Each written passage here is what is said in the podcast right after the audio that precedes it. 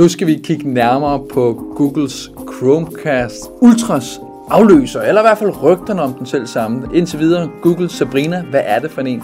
Det her, det er AV-ekspertens YouTube-kanal. Jeg hedder David Gullager, og jeg vil være eksperten på det område i hvert fald. Jeg vil grave mig lidt ned i de rygter, der er derude, lidt kigge lidt på, hvad kan vi forvente af den her? Jamen altså, kæmpe stor glæde, vi indtil videre har haft af Chromecasten, muligheden du kan smide donklen i, og så overfører du hurtigt øh, billedet fra dine enheder direkte over til, altså en form for forbindelsesled mellem fjernsyn og øh, dine enheder. Noget tyder på, at Google endelig er klar til at øh, rykke til næste niveau, og altså gøre det til en selvstændig enhed, lidt ligesom vi har set Roku TV, og ikke mindst sådan set også Apple TV, hvor du får fjernbetjening og det hele. Selve designet er stadigvæk en lille dongle, du smider i, i hvert fald hvis man skal tro de rygter, der er ude. Men øh, det er lidt mere ovalt, det er lidt mere øh, i farverigt i hvert fald, øh, og ikke kun øh, lidt mere øh, neutrale farver, som vi har set hidtil. Så smider du det i tv'et, og så er der en lille fjernbetjening, du kan styre det hele med. Det her er, hvad der i hvert fald tyder på at være en blanding mellem en Chromecast, som forbindelsesledet mellem dit fjernsyn og dine enheder, og så et Android TV, eller måske hvad øh, Google har tænkt sig at øh, rebrande til Google TV, som bliver en, en form for platform, hvor du så kan øh, få de fornødne apps, du nu engang har brug for på dit TV.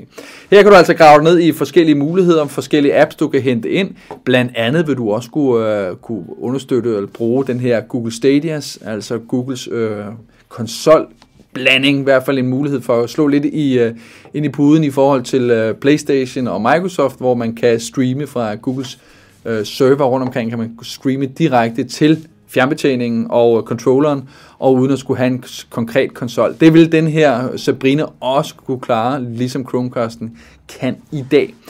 Ligeledes vil den kunne øh, have mulighed for, at du kan hente et hav af Google Play apps direkte over på, på øh, tv'et, som altså man ikke kan i dag. Det har du ligesom lidt behovet for. Du kan godt, hvis du har Google, uh, Google TV eller Android TV og har det installeret direkte på fjernsyn, men du godt kunne opleve de her ting. Nu kan du altså købe direkte som en lille, lille boks. Indtil videre kender vi ikke prisen som sådan, men, uh, men rygterne siger, at den skulle ligge på mellem 50-60 dollar, uh, så vi får se, om det er den pris, der afhænger af, når den engang kommer ud. Og hvornår kommer den så ud? Ja, det bliver jo spændende, den her lille boks, hvornår den bliver egentlig lanceret. Indtil videre tyder det på, at øh, der er i hvert fald øh, rygter om en en lancering, en annoncering den 30. september, måske allerede bliver de lanceret på dagen, og så kort tid efter, så kommer de simpelthen også ud som en øh, form for øh, mulighed for at kunne købe direkte. Om det så også gælder Danmark, det må vi jo selvfølgelig se på.